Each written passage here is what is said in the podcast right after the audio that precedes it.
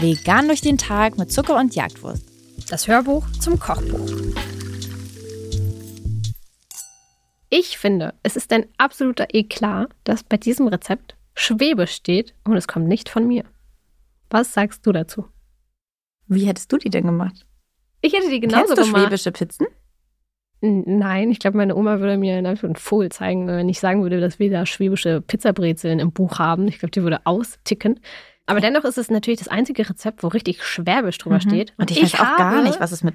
Ich habe die schwäbische Familie und ähm, du hast das Rezept gemacht als jemand, der aus dem Osten. Ja, und du kennst es nicht. Deswegen, also Das auch ist so- meine, meine Herleitung, warum ich das schwäbische Pizza nenne, zu dem ich gleich komme, nee, schwäbische Pizza Brezeln nenne, das erkläre ich gleich. Aber ich weiß auch nicht, wo dann der Ursprung, warum das schwäbisch sein soll. Aber ich kenne das und ich habe es zumindest mal im Internet kurz gesucht als schwäbische Pizza und habe dort auch Sachen gefunden. Ich habe mich gefragt, ob es irgendwie mit so Flammkuchen aus der Richtung zu tun hat. Ja, es wirkt auf Speck? jeden Fall wie ähm, eine Collab. Zwischen einer, wie eine Kollabo zwischen Brezel und Flammkuchen, finde ich.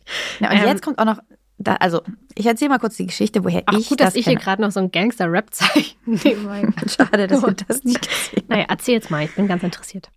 Ich habe während meines Studiums bei einem Bäcker gearbeitet. Und das war jetzt nicht nur ein Bäcker, bei dem es Brot und Brötchen gab, sondern es gab auch belegte Dinge. Und ähm, man musste die teilweise auch frisch zubereiten. Ich hatte oft die Frühschicht. 6 Uhr, glaube ich. 5.30 Uhr, 5.30 Uhr ging es los. Ähm, das war jetzt auch kein Bäcker, bei dem ich nachts irgendwo ähm, leider Teig geknetet habe. Das hätte ich tatsächlich sehr gern gemacht. Sondern ich war sozusagen im Laden, im Verkauf. Aber man hat trotzdem ein paar Sachen frisch gemacht. Man hat nämlich auch die Brötchen zum Beispiel in eine Gare geschoben, dann in den Ofen. Das war auch immer meine Lieblingsposition, die Ofenposition. Und wenn man die hatte, dann musste man auch teilweise diese Snacks frisch zubereiten. Und in dem Fall gab es einen Snack, der hieß nämlich schwäbische Pizza. Das wurde auf einem Brötchen, ähm, also man musste so ein Brötchen halbieren dafür. Es war, das Brot hieß Finchgauer. Ist das ein schwäbisches Brötchen vielleicht? Gar keine Ahnung. Das war eins, das hatte so ganz dolle Gewürze drin. Ich glaube, es hatte auch so Kümmel drin. Also das musste man wirklich mögen, auf jeden Fall. So. Meine Aufgabe war, dieses Brötchen musste ich halbieren und danach gab es einen Eimer. Aber ich rede hier von so einem Eimer in vor, also in der Größe von so einem Farbeimer. so ein Großen Eimer. 10 Liter. Großer Eimer. Mhm. Und in dem war die komplette Masse, die auf diese Brötchen gepackt werden musste, schon drin. Man musste sich logischerweise dafür Handschuhe anziehen. Und ich war zu dieser Zeit, habe auch schon kein Fleisch mehr gegessen. Also es war wirklich jedes Mal eine kleine Überwindung, die ich da leisten musste. Denn das war eine Mischung halt aus so einem, also so Schmand, Fett einfach, so einer Creme mit so Speckwürfeln drin und wahrscheinlich ein bisschen Käse, bin ich mir gerade unsicher, aber so, da muss man, weil man hätte das auch mit einem Löffel machen können, es hat aber viel zu lange gedauert und man musste ja relativ zeitig sein, damit man ja noch ein Brötchen in der Gare, dies, das. Ähm, das heißt, du bist dann mit deiner Hand in dem Handschuh in diesen Eimer, in diese Creme und hast dann einfach so, patsch, das ist auch genau so, so klein. So, das hast du so auf dieses Brötchen, dieses halbe Brötchen einfach nur als so ein Berg gepackt. Und so hat man das dann in die Auslage ge gelegt, die gekühlt wurde. Und wenn das dann jemand bestellt hat, dann hat man es nochmal ganz kurz in den Ofen geschmissen. Mhm. Und dann wurde das kurz überbacken und ich bin mir gerade auch unsicher, ob da Schnittlauch oder sowas noch drauf war, aber dieses die- mit seiner Hand immer so, Ja, das, Das da dieser Teil der. Geschichte Oh. klingt ein bisschen weird.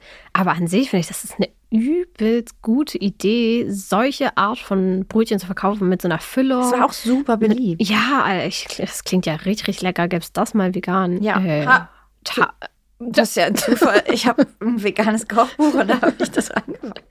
aber es sind Brezeln und keine Brötchen. Wieso Ja. das? Weil das zu einfach gewesen wäre. Ähm, und dieses Finchgau, wie gesagt, wusste ich, keine Ahnung, ob das überhaupt jemand kennt, äh, groß. Ähm, und das war ein Liebhaber-Ding. Ich finde vegane Tiefkühlbrezeln, ich glaube, die meisten Tiefkühlbrezeln, ehrlich gesagt, sind vegan, sind eine Sache, die ich sehr gern im Gefrierschrank habe. Ein Und Gefrierschrank muss riesig sein, wenn ihr schon ein paar Episoden aus diesem Hörbuch gehört habt. mein Gefrierschrank ist riesig.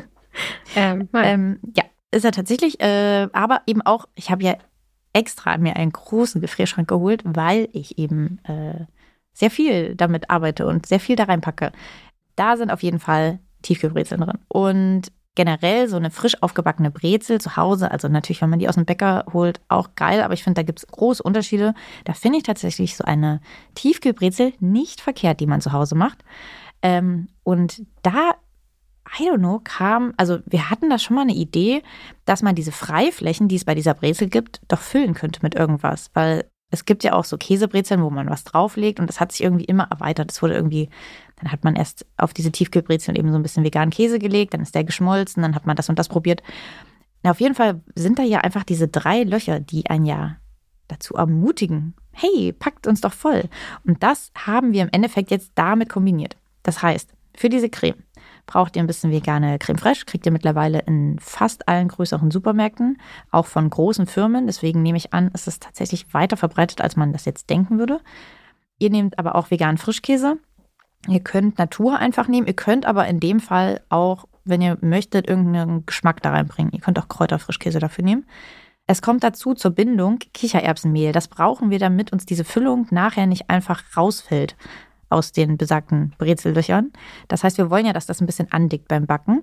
Danach noch veganen Streukäse, auch der sorgt dafür, dass das Ganze klebt. Und dann finde ich, weil das ein bisschen, da fehlte auf jeden Fall noch irgendwas, habe ich noch den Räuchertofu sowieso als so Speckersatz reingegeben und so Frühlingszwiebeln, weil ich das immer ganz eine ganz geile Kombination fand. Ich habe auch frischen Schnittlauch am Ende drauf gemacht, also so dieses leicht äh, diese leichten Biss sozusagen, diese leichte Schärfe, die dadurch kommt, in Anführungszeichen, die fand ich auf jeden Fall super in der Kombination. Und das packt ihr einfach in diese Brezeln. Die sind noch tiefgekühlt. Die holt ihr aus dem Tiefkühler, habt eure Creme vorbereitet, packt die jetzt da rein. Mit der Hand?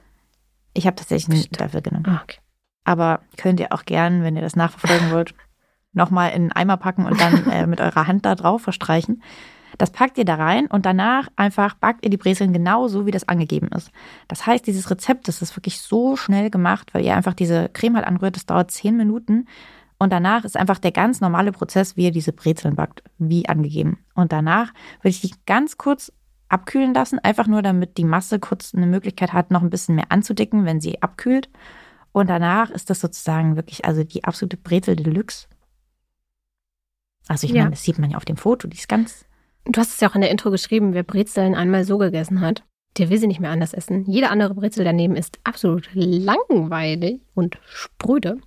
Ja, deswegen auf jeden Fall ein richtig gutes, ähm, richtig gutes Rezept. Kann ich mir auch gut vorstellen auf so einem ähm, Brunch-Buffet zum Beispiel oder eben auch ähm, dann am Abend auf dem Sofa. Das glaube ich auch, wenn man nicht so einen mhm. Riesenhunger hat, aber man will was Herzhaftes und irgendwie auch was Gemütliches, aber man will jetzt auch nicht einen Auflauf machen. Deswegen, die, das die Zutaten sind angegeben auch für zwei Stück. Also ihr könnt ja. das ja alles nach oben skalieren. Ihr könnt es ja. auch alles halbieren nochmal, dann habt ihr eine Brezel. Und das Tolle ist, ihr nehmt ja einfach nur eben, also es, es, ist ja auch kein Stress, einfach nur eine Brezel aus dem Tiefkühler zu nehmen, wenn es nur für euch heute sein soll. Ja. Deswegen, also ja. Ich finde, es ist eins meiner liebsten Rezepte aus dem Snack-Kapitel. Und ich freue mich, dass ich hier mein äh, leichtes Trauma aus meiner Studentenzeit damit überwunden habe, auf das ich nie wieder in diesen Eimer greifen muss.